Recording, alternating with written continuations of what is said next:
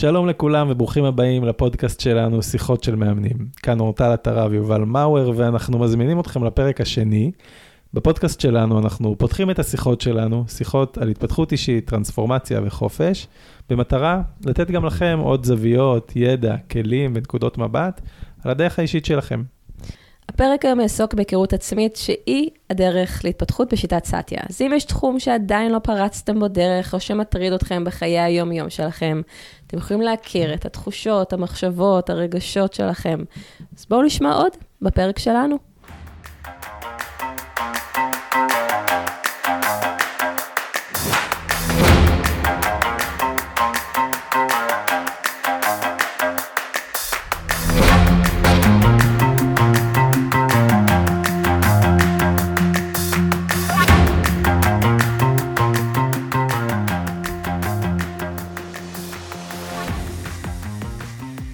כיף שהצטרפתם, פרק שני בפודקאסט שלנו, שיחות של מאמנים, היי יובי. היי אורטלי, היי כולם. איזה כיף לנו, ממש. אז גם היום ההתרגשות גדולה. גם אצלי. ונפתח את הפרק עם שאלה. אז יובלי, רגע, בוא נגיד להם, יובלי הולך לשאול אותי שאלה שאין לי מושג מה הוא הולך לשאול, הוא לא הסכים לספר לי, והוא החליט שזה, ואני אגב מאוד אוהבת את ההחלטה הזאת, היא סופר מגניבה בעיניי, שכל uh, מדי שבועיים, אחד מאיתנו ישאל את השני שאלה, שהשני אין לו מושג מה הולך לפגוש. נכון. שבוע שעבר את שאלת אותי, ואת שאלת אה, איך אני מרגיש. שאלה כביכול פשוטה, רק כביכול, לא תמיד התשובה פשוטה. ומה שאני רוצה לשאול אותך, איך היה לך עם החשיפה? איך היה לך עם זה שפרק שלנו פתוח, חשוף, עלה לאוויר, הגיע לכבר מעל 100 אנשים? אוקיי, אז ב-100% אותנטיות ו-100% כנות, אני גם בן אדם מאוד uh, כן. Um, גם במסגרת הזו, של לבוא ולחשוף את עצמי, אז אני אגיד שנבהלתי.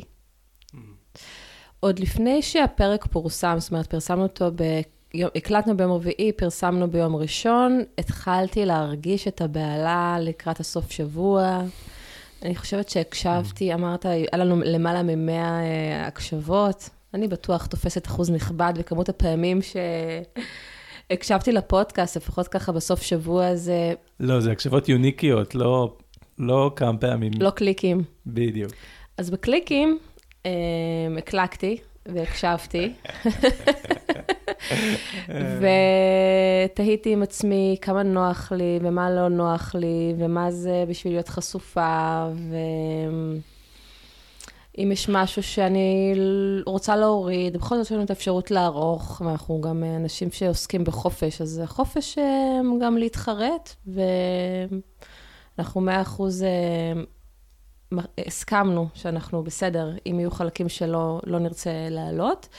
והחלטתי, אף על פי שנבהלתי ועם הבהלה, אוקיי? חופש עם הבהלה, אה, כן לפרסם, כן להמשיך עם זה וכן לשהות בתוך התחושות האלה שפגשתי. אבל מה, כאילו, מה מבהיל? שאתה לא יודע איך אנשים, אה, מה אנשים, קודם כל, בוא, הדבר שהכי מפחיד אנשים זה מה אנשים אחרים יחשבו עליהם, אוקיי? כמה שאני mm. כבר אה, בתוך המים העמוקים, ואני mm-hmm. מסכימה לקבל את העובדה שלא, אולי לא כולם יאהבו אותי. ושדברים מסוימים שאני אגיד, אני אהיה שנויה במחלוקת. כן. יש איזה משהו שאתה בכל זאת רוצה להיות אהוב, אתה רוצה mm-hmm. שאנשים יתחברו אליך, אז כן, לא ידעתי איפה זה יפגוש אנשים אחרים, לא ידעתי מה זה יעשה. היה את השיתוף, היו שיתופים מסוימים, שכמו שאתה שמעת בפעם הראשונה, עוד הרבה מאוד אנשים שמעו בפעם הראשונה. נכון. אז לא ידעתי איך זה יתקבל בצד השני, אבל אני גם אגיד שהתרגשתי, זאת אומרת, ברגע שהפרק פורסם, אני שחררתי. Mm.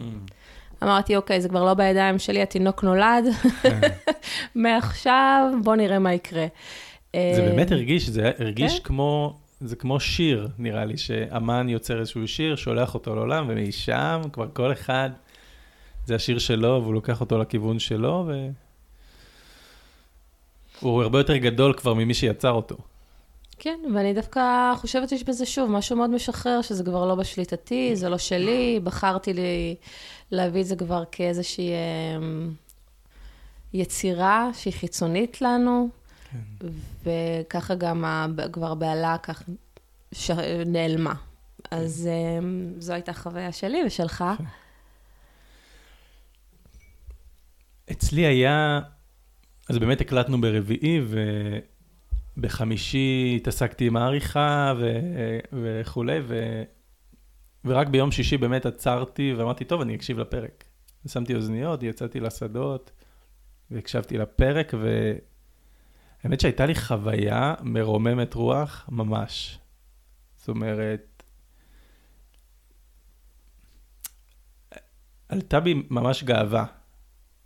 גם גאווה על, על זה שאנחנו עושים את זה, שאנחנו עושים משהו גדול, ושאנחנו יוצרים לעצמנו במה כזאת משמעותית, וגם כמה ערך, באמת הרגשתי שהדבר הזה יכול לתת הרבה ערך לאנשים. ובעיקר אני חושב גם בלפגוש את הסיפור שלי, לספר את הסיפור שלי, ו...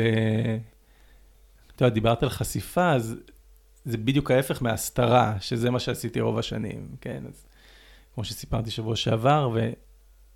אז גאה בעצמי על איפה שאני נמצא, ושאני יכול לבוא ולהיחשף בצורה כזאת, ולאהוב את זה, ולאהוב אותי בזה. היה רגע יובי שנבהלת?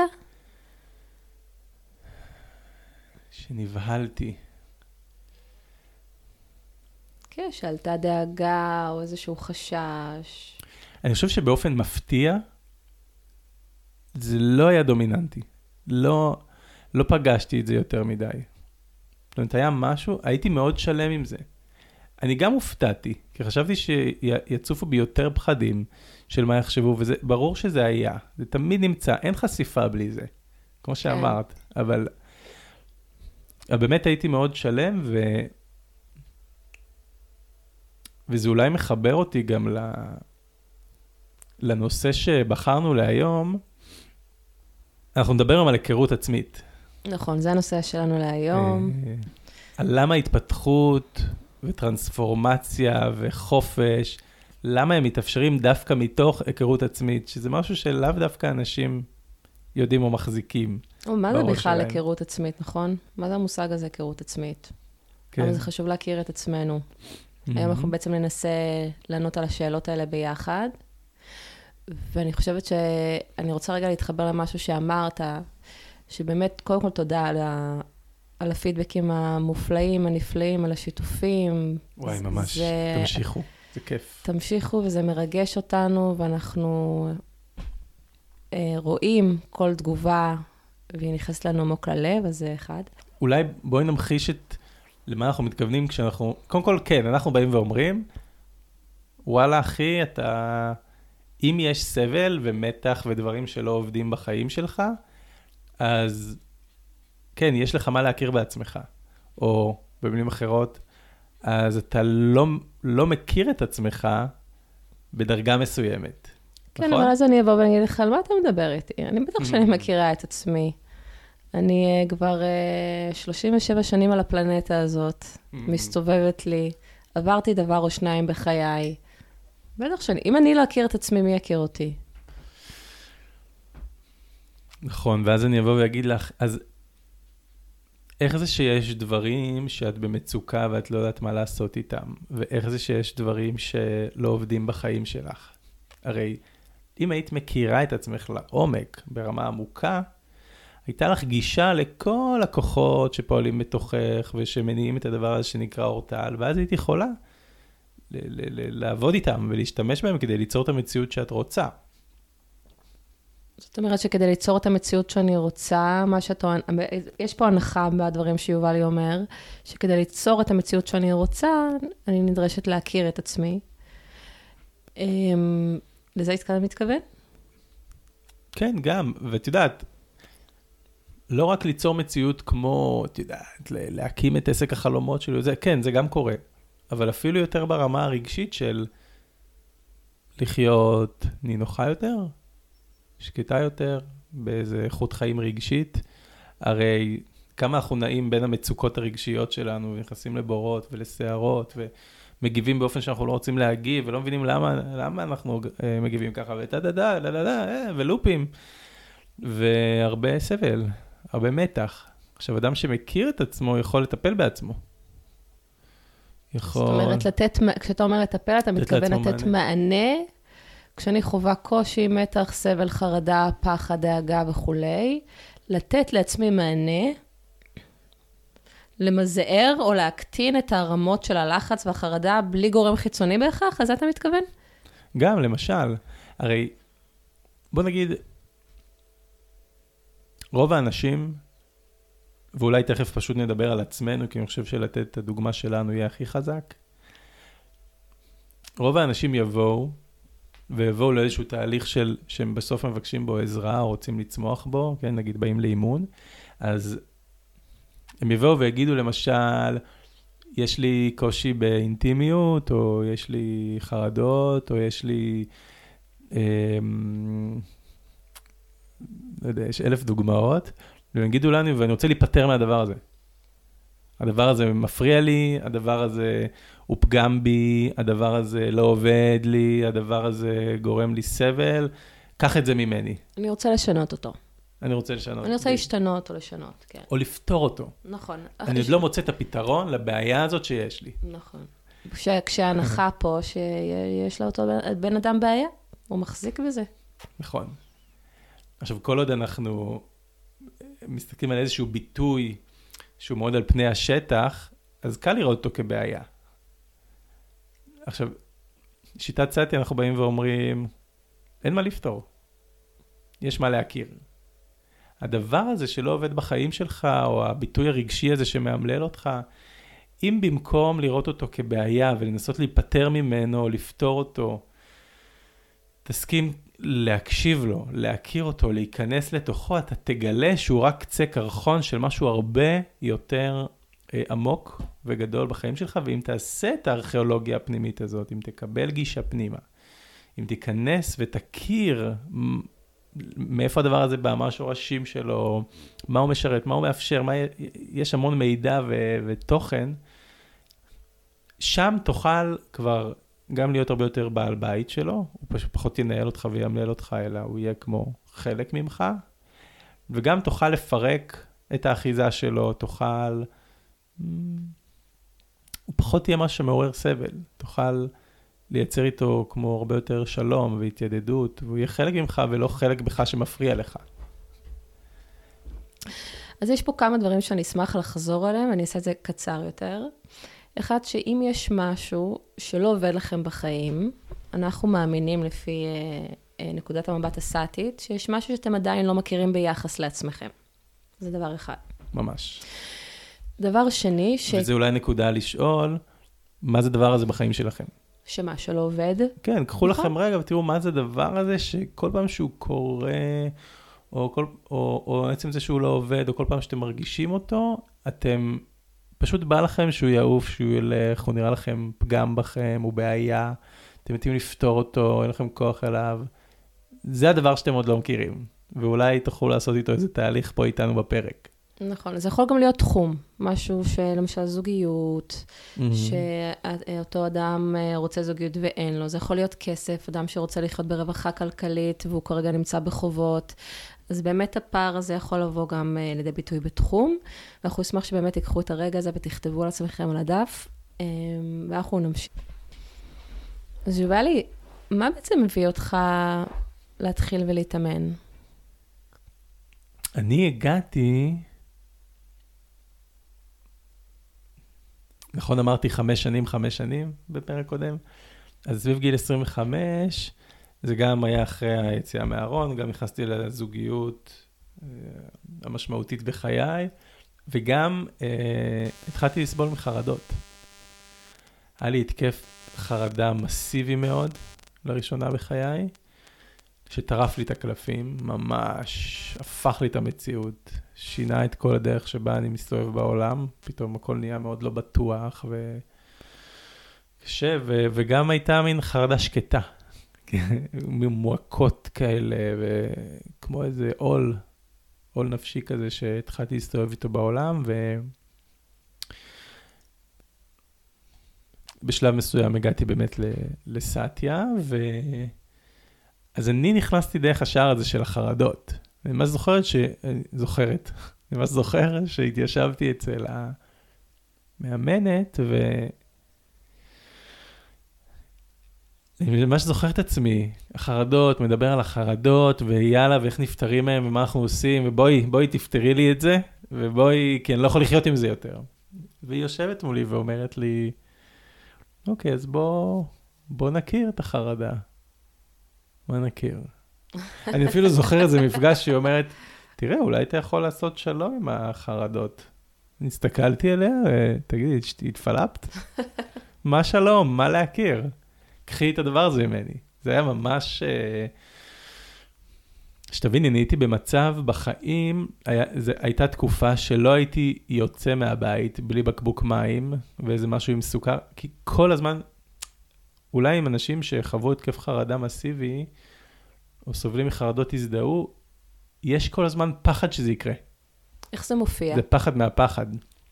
פחד מהחרדה, ש, שיהיה לי עוד התקף, שאני אקרוס. וזה היה מאוד מגביל, ממש. פתאום דברים שהייתי עושה ברגיל נראו לי מפחידים נורא. אה, זה הרגיש לי כמו נכות זמנית כזאת שהסתובבתי איתה. אתה יכול רגע לתת דוגמה איך, ה... איך החרדה הופיעה אצלך בחיים? וואו. אני אגיד רגע למה אני שואלת את זה בזמן שאתה חושב, כי חרדה היום מאוד מדוברת, אנשים גם, אה, אני, אני בתחושה שלי מרגישים יותר בנוח להגיד שהם חרדים, או שהיה להם התקף חרדה לגמרי. פרק על פחד וחרדה, זה יהיה מאוד uh, מעניין. ויש כאלו שלא חוו חרדה. Mm. ואני חושבת שחלק מה, משיטת סאטיה זה, ל, ל, אנחנו מדברים על אונתולוגיה, איך זה נראה במציאות, נכון? אז בואו נראה באמת דוגמה איך אצלך זה מופיע, מופיע במציאות, וזה לא אומר שאצל כולם זה נראה ככה, כן? אה, אבל אולי חלק מהמאזינים יתחברו לביטויים מסוימים.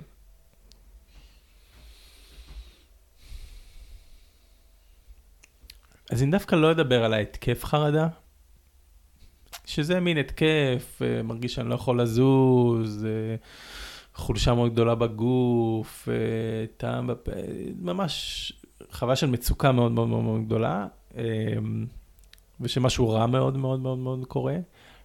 אבל דווקא אני אתייחס לחרדה השקטה, שהיא הייתה מין פשוט פחד. כאילו יש איום שכל הזמן נמצא ומאיים להגיע. מין משהו שיקרה לי. ואם זה יקרה, אז, אז אולי אני ארגיש את אותו דבר שהרגשתי בהתקף חרדה הזה, שהוא איזושהי חוויה שגם אני מאוד חשוף, פגיע, חלש. כאילו המערכת שלי... אה, וואי, את יודעת, זה, זה קטע, לדבר על זה, ביום חמישי שמעתי את נטלי מדברת על טרנספורמציה, על מה זה טרנספורמציה, מה זה התפתחות טרנספורמטיבית כמו שאנחנו מדברים עליה, והיא אמרה שאחד המאפיינים זה שאתה עושה התמרה. זה לא שינוי, אתה, זה כמו שחומר משנה צורה לחומר אחר, לא יודע, מנוזל לגז, זאת אומרת, זה שינוי שכשאתה עושה אותו, אין דרך חזרה. אמרה שאחד הדברים שמאפיינים אנשים שעשו טרנספורמציה, שהם כבר לא זוכרים איך זה להיות מי שהם היו. ואני מרגיש שאני מדבר עכשיו על מישהו שאני כבר לא זוכר מי הוא. וזה, וזה מרתק, כי ידעתי ש, שאני ארצה לדבר על זה היום, ונכנסתי הבוקר לתיקיית uh, כתבים כאלה. זה היה שנים שהייתי כותב בהם הרבה. וממש רואה כל מיני טקסטים שכתבתי לפני שהתחלתי להתאמן, שהיה שם, תמיד הייתי פילוסופי כזה, וחושב, וחוקר, ומסתכל, ו... אבל כל הכתיבה שלי שם, אני מדבר על המצוקה שלי, על כמה אני במצוקה ומצוקה וקשה לי, ואני כותב על העולם. אני לא יודע, אני רואה בכתיבה שלי שאני לא יודע להסתכל איך הדבר שקורה לי קשור אליי. הוא פשוט קרה לי, עכשיו אני סובל ממנו, ואני מין מדבר על החיים, אני מדבר החוצה. וואו, מדהים. ו- ו- ואז טקסטים של אחרי שהתחלתי להתאמן, שפתאום מתוך, בוא נכיר, בוא נכיר את החרדה הזאת. בוא נראה, למה היא פה? מה היא באה להגיד? מה היא מספרת לי עליי.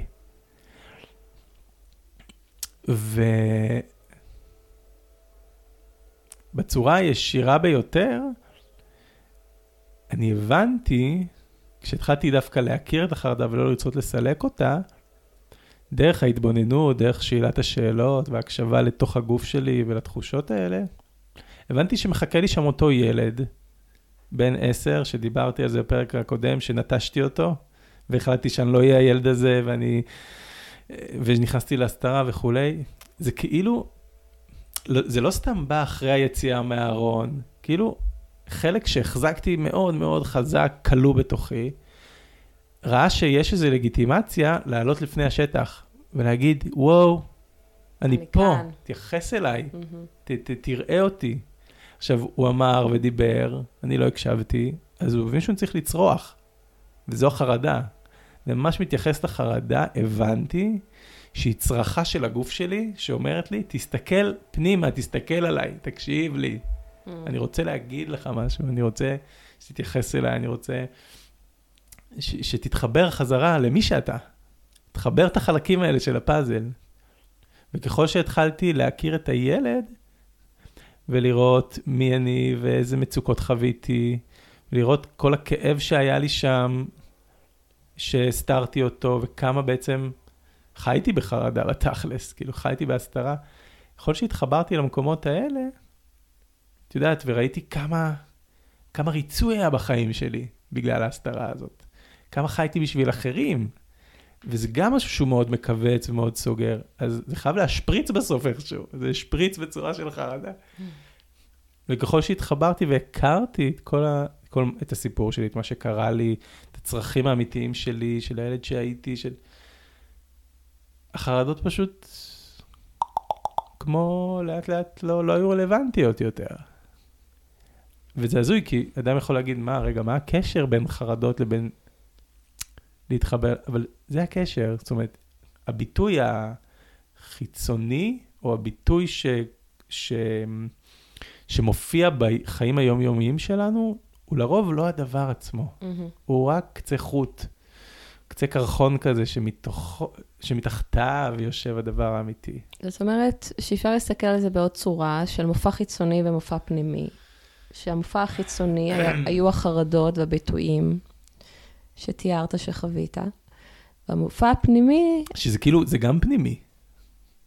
נכון, יש לזה ביטוי. זה קורה בתוכי. זה קורה בתוכי. חרדות. נכון, הכוונה היא, שמת... אני, טוב שאמרת את זה כי אני אסביר, שכשאני אומרת מופע פנימי זה השכבה העמוקה יותר. Mm-hmm.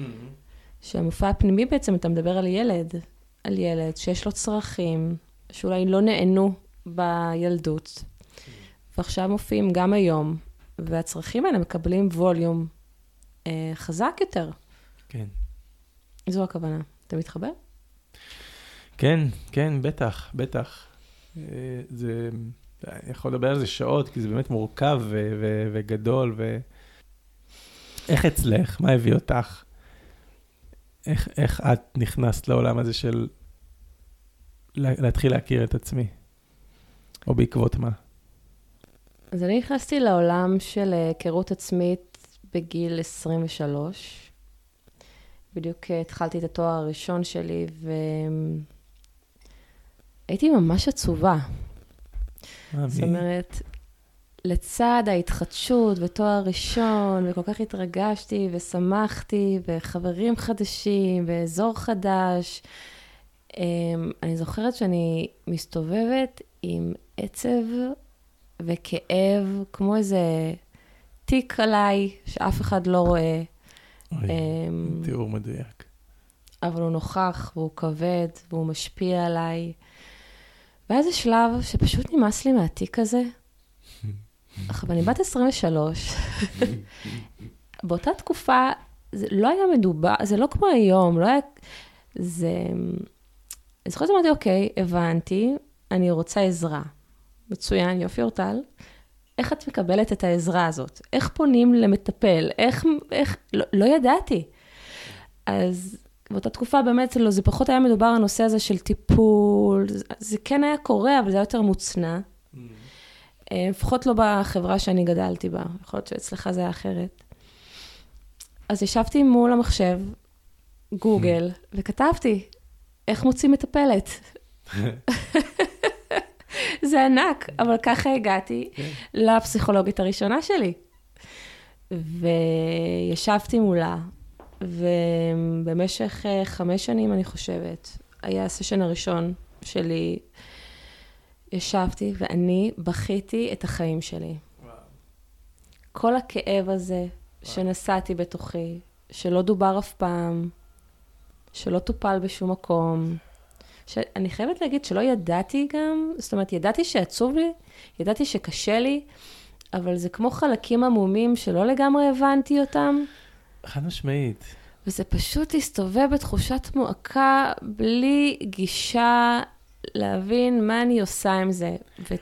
שזה אגב, אני, סליחה שאני קוטע את הסיפור, אני פשוט רוצה להמחיש את זה למקשיבים, כי מי שלא חווה את זה, יכול להיות מאוד קשה להבין את זה. זה בדיוק, לא, זה בדיוק מה אני לא מכיר. נכון. אני יודע שמשהו קורה, יש איזו חוויה לא שלמה, משהו, אבל לא באמת מכיר שזה נגיד, וואי, אוקיי, זה עצב, זה מטען של כאב שרוצה לעלות, כלומר, אני לא מכיר את זה, ועד שאני לא אכיר את זה, אני לא אדע שאני לא מכיר את זה. זה הקטע. נכון. כאילו צריכים לבוא כדי להסכים לגלות על עצמי משהו חדש. עכשיו בוא, אני, אני הכי כנה, לא, לא באתי לגלות על עצמי משהו חדש, אני רציתי, אני נכון, באתי, אבל צריך להסכים. נכון, אבל אני הגעתי ל- לשבת על הכיסא כי סבלתי, כן, כן. ורציתי, הכי פשוט, בוא'נה, רציתי להיות שמחה, רציתי להסתובב בעולם שמחה ומאושרת. כן. עכשיו אני סטודנטית, אני רואה אנשים, הם נראים שמחים, מה הבעיה- בי? מה הבעיה בי? למה אני לא? עכשיו, ידעתי למה זה קשור, אה, אה, הבנתי שזה קשור, אה, ל...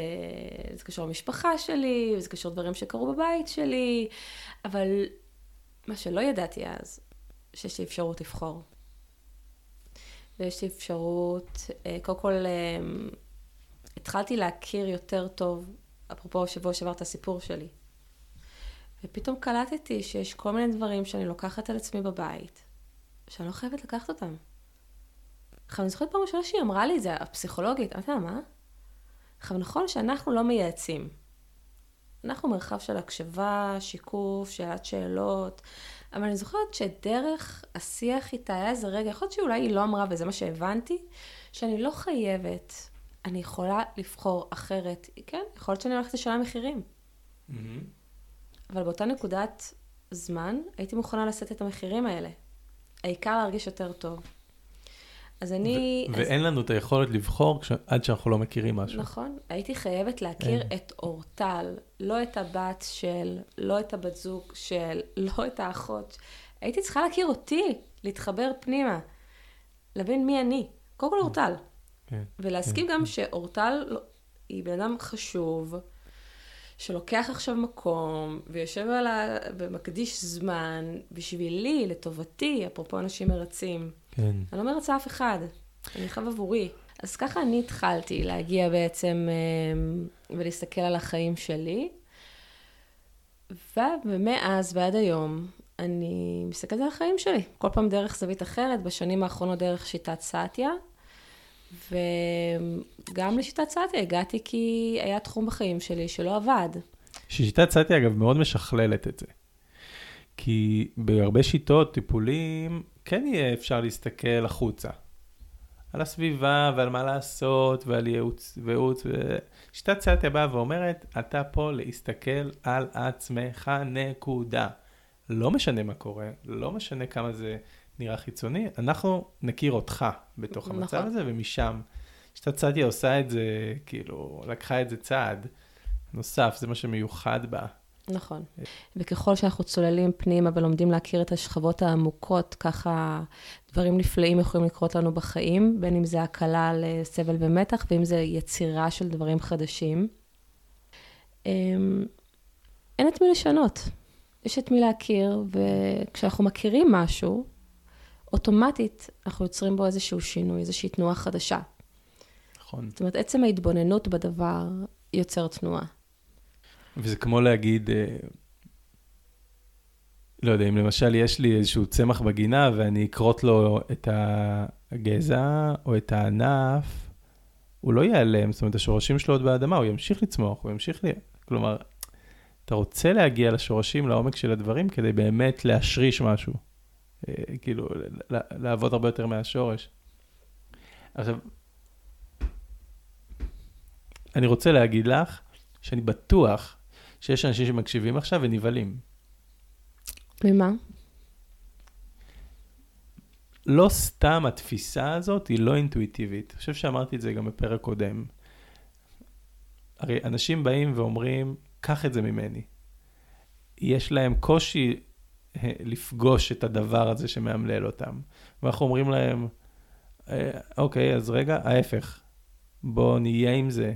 תכף נדבר גם על איך אנחנו עושים את זה, ואנחנו מביאים אנשים דווקא להיות ולהתבונן ולחקור את אותו דבר שקשה להם או מאמלל אותם.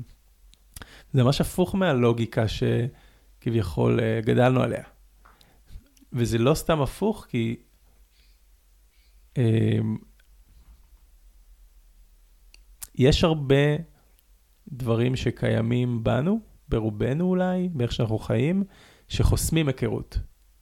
שחוסמים היכרות עצמית. עכשיו, אנחנו יכולים להכיר את עצמנו כל הזמן, בכל הזמן, לא רק בתוך חדר אימון. אבל זה לאו דווקא קורה, אנחנו לאו דווקא מסתובבים בעולם ומכירים את עצמנו לעומק, חוקרים את עצמנו, לומדים את עצמנו, כי יש כל מיני דברים בעיניי שמפריעים לזה.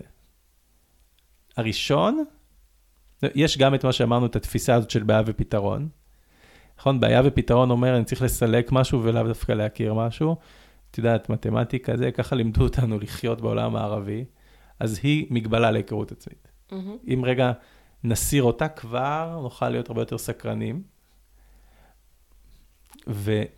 אבל המגבלה, יש עוד מגבלה בתוך מה שאתה אומר. המגבלה השנייה זה שאנשים מפחדים לפגוש את עצמם או להכיר את החלקים שהם עדיפים להזיז הצידה. ולמה לדעתך הם מפחדים לפגוש את זה? כי זה לא נעים. זה לא כן. נעים, אני, אנחנו יכולים להתחבר לזה. בעצם אבל... זה, זה לפגוש כאב. נכון. אי אפשר, אי אפשר להכיר את עצמי ולפגוש כאב. והרבה מאיתנו, וגם אנחנו נכללים, אנחנו רוצים למקסם את רמות ההנאה שלנו, ולהקטין את רמות הכאב שלנו, והדרך שבה גם ל- לימדו אותנו כילדים הרבה פעמים, זה לא להרגיש, לא לחוש, לא לפגוש. אה, נפלת, לא קרה כלום. מה אתה בוכה? אתה צריך להיות חזק. אוקיי? כל מיני מסרים שנקלטים אצל ילד, הם לא הולכים לאיבוד. Mm. אז פתאום, בגיל מבוגר, להגיד, אה, אתה שומע, יובלי, נכון שאמרו לך לא להרגיש, לא לבכות, להיות חזק. בוא תעשה בדיוק את הדבר ההפוך הזה, אתה לא מורגל. כן. אנחנו לא מורגלים. אמ, זה עוד סיבה. כאילו, אם אני אכנס למקומות האלה, אני אפגוש פגיעות, אני ארגיש חלש, אני... כן. אכנס למצוקה. נכון. אני אפגוש איזה בור שאני לא יודע איך לצאת ממנו. נכון, אנחנו... חוסר אונים, נכון. אז בעצם גם לפגוש את כל אותם רגשות שכל החיים עבדנו בלהימנע מהם. בדיוק. וגם כי אנחנו נאחזים בעונג ונמנעים מכאב ואי נוחות, את זה אמר הבודה. ויש לי, לי עוד משהו. אני חושבת שעוד מגבלה זה להגיד, אני יודעת. אני כבר יודע, אני כבר יודעת, mm. כבר עשיתי, הייתי, לא פתרתי. חשבתי. וגם זו מגבלה בעיניי. הייתי שמה סימן שאלה לאנשים שמסתובבים בעולם יודעים. זאת אומרת, בעצם אומרת, אנשים מסתובבים בעולם ובטוחים שהם ממש יודעים את עצמם. כן. או יודעים הכל. נכון. שזה מרגיש לי כמו איזה מנגנון הגנה כזה. נכון. זה, ברגע שזה מופיע כמנגנון הגנה, זה מגביל ומעכב, כמו מנגנון הגנה. מצד אחד הוא שומר, מצד השני הוא מגביל. אז בואי נדבר על עוד כאלה, כי מה שאני הכי פוגש, שחוסם, וזה מתחבר לי מה שאמרת, כמו היודע, זה שיפוט, ביקורת, הלקאה עצמית, אכזבה עצמית, ייאוש מעצמי. זה מבחינתי מלא מילים שמתארות אותו דבר בערך. אבל שהדבר הזה שלא עובד לי, או שקורה לי וקשה לי, אני שופט את עצמי עליו, אני מאשים את עצמי לגביו, אני כועס על עצמי לגביו, ו... זה נגיד חסם מאוד גדול להיכרות. אוקיי? תשאלו את עצמכם כמה אתם, כמה הדבר הזה שאולי רשמתם לכם בצד, בפתק, אתם כועסים על זה שהוא קיים. כועסים על עצמכם אה, למולו, אתם שופטים את עצמכם לגביו.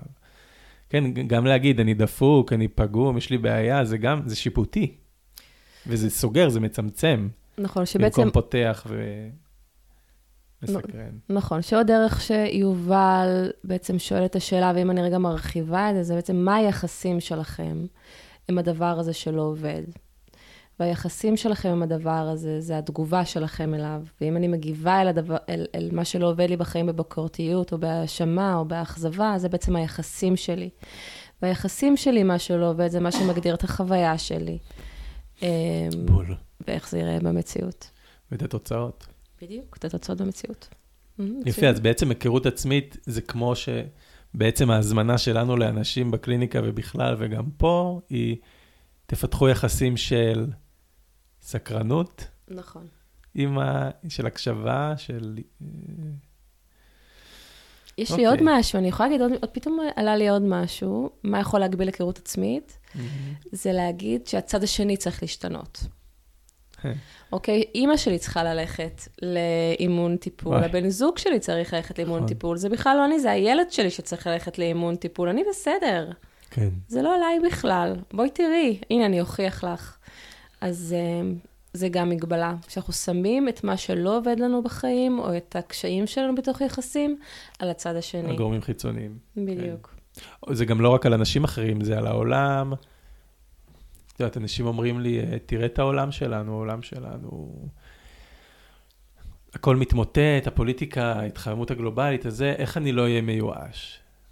זאת אומרת, תולים את מצבם הרגשי במשהו שקורה בחוץ, או כמו יש לי אימא כזאת וכזאת. עכשיו, נכון שהמצב הרגשי שלנו קורה לנו למול דברים, אבל הוא קורה בנו, והוא שלנו. זאת אומרת, קשה לעשות את ההפרדות האלה. אז אנחנו לא נלך ונכיר בהקשר הזה את ההתחממות הגלובלית, אלא את הייאוש נכון, אנחנו האישי של את ה- אותו אדם. בדיוק, את בוא תכיר היחסים. את הייאוש שלך. אמ, ואולי באמת, לקראת סיום, ניתן... כי סבבה, אתם יכולים לבוא להתאמן. אני ממליץ לכל אדם, אגב. כל אדם יש לו מה להכיר בעצמו. כל אדם. הוא לא חייב להיות במצוקה או לסחוב עצב מאוד מאוד גדול או חרדות. זה יכול להיות כאן גם כי באמת יש תחום שלא עובד לי, או אני רוצה לדייק את עצמי, אני רוצה. לחוות שאני יותר בחופש, אני רוצה לרצות פחות, כאילו, זה מאוד... אה... אין דבר שאי אפשר להכיר אותו. אין דבר שאי אפשר להכיר אותו. הכל, הכל, כל תחום, כל דבר. נכון.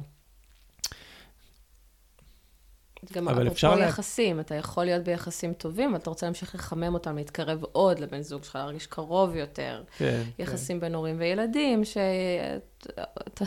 יש הורים שיכולים, אני תמיד מדברת על זה בסדנה שלי, יכולים להגיד, אוקיי, אז אני אחכה שהילד שלי יגדל, אז אני אחכה שהוא, יהיה, אמ, שהוא יבין יותר, שהוא יתבגר, שהוא יעבור את גיל ההתבגרות, אני אחכה, אחכה, אה. אחכה, כדי שיחול איזשהו שינוי ואני אוכל להתקרב לילד שלי. ואני אומרת, לא, חבר'ה, בואו תכירו את עצמכם. כן, תכירו ב- את ההורה שאתם. בדיוק, תכירו את שזה ההורה הילד שאתם- שאתם גם. גם, נכון, ביחס לילד. לא צריך לסבול, לא לא צריך. לסבול. וגם לא, וזה, וגם לא צריך לעבוד כזה קשה וסיזיפי, אפשר פשוט להכיר, זה נורא פשוט. אני חושב שאנחנו שחיים את הדרך הזאת מסתובבים היום בעולם מפריזמה של היכרות. כבר נורא קשה לנו להאשים מישהו או להסתכל החוצה. אין סיטואציה שלא, שהיא לא פלטפורמה להסתכל פנימה וללמוד ולהכיר עוד על עצמי. אז מה בעצם מאפשר היכרות עצמית? מה אם אני אעשה בחיים שלי, אה, לא משנה איפה אני נמצא, אני אוכל להכיר את עצמי יותר. אז אני אציע דרך אחת, שזה שאלת שאלות. עכשיו, כולנו שואלים את עצמנו שאלות. אני מניחה שברמות מסוימות, בצורות שונות, יש שאלות התפתחותיות, Mm. ויש שאלות שהן לא התפתחותיות. בואי ניתן נגיד, נגיד, אם אנשים עכשיו לוקחים את הנושא שהם אה, חשבו עליו בפרק הזה, כתבו לעצמם, בואי ניתן כמה שאלות נגיד. נגיד לשאול למה זה קורה לי, לא טוב. לא טוב, שיפוטי. נכון. ביקורתי... איך אני, איך אני נפטר מזה, לא טוב. אוקיי, מה כן טוב, מה כן עובד? שאלה התפתחותית זה לשאול את עצמי למה אני מייחס את מה שקורה לי בחיים. Mm. איך אני מסביר את מה שקורה לי בחיים עליי? ואם אין לכם תשובות, פשוט תשבו ותשהו, או שתמציאו. Mm. אוקיי? תחשבו על אר, ארבעה דברים, שלושה ארבעה דברים שהם בעצם הסברים. ל... נגיד, אני רוצה, לצורך העניין, הרווחה כלכלית ואני בחובות, אוקיי? למה אני מייחסת עליי את החובות שיש לי. יפה. ובאמת אפשר לחשוב על זה, אפשר לדבר על זה, אפשר לכתוב על זה. לכתוב, לכתוב, לכתוב, לכתוב, יעלו עוד ועוד רבדים. זה באמת ממש משמעותי, זה שאלות מעולות. חושב על עוד איזו שאלה מעניינת. אם הכל היה אפשרי, מה הייתי רוצה שיקרה בתחום הזה? אפרופו mm. היכרות עצמית. יש את מה שיש, נכון? יש את מה שאני רוצה. מה הפער? Mm. לברר בדיוק מה הפער.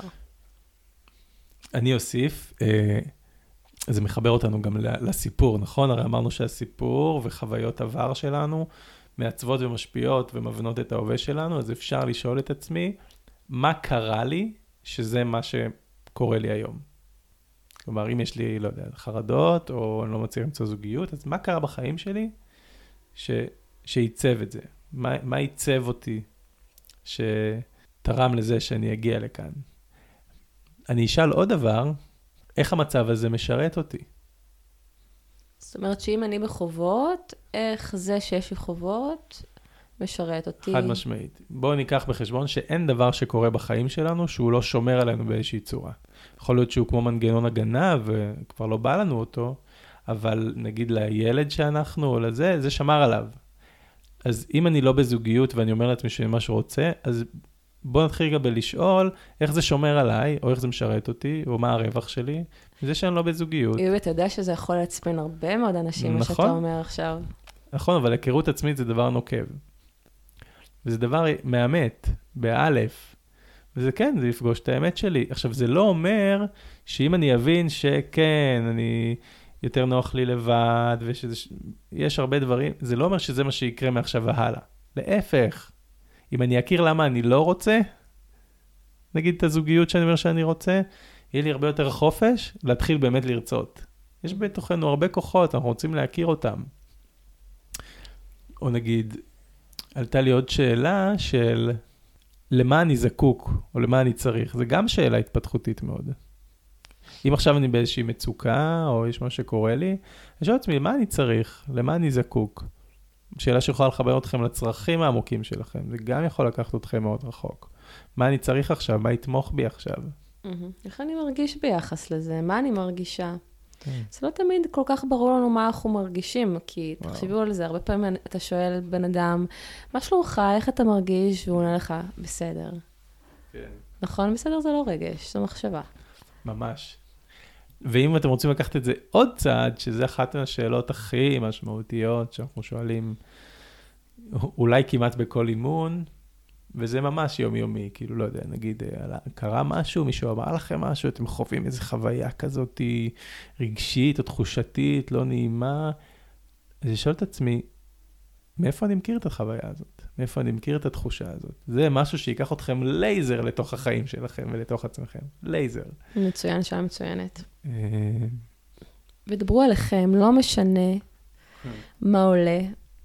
אם אתם שמים לב שאתם עוברים לצד השני לדבר על מישהו אחר, על מישהי אחרת, תחזרו ותדברו עליכם ביחס למה שאתם מתבוננים בו.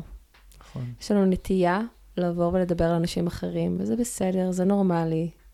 אנחנו כאן להזכיר לכם שבסוף, כדי ליצור טרנספורמציה, השיחה היא עליכם, וההיכרות עצמית קשורה לחיים שלכם ולא של אף אחד אחר.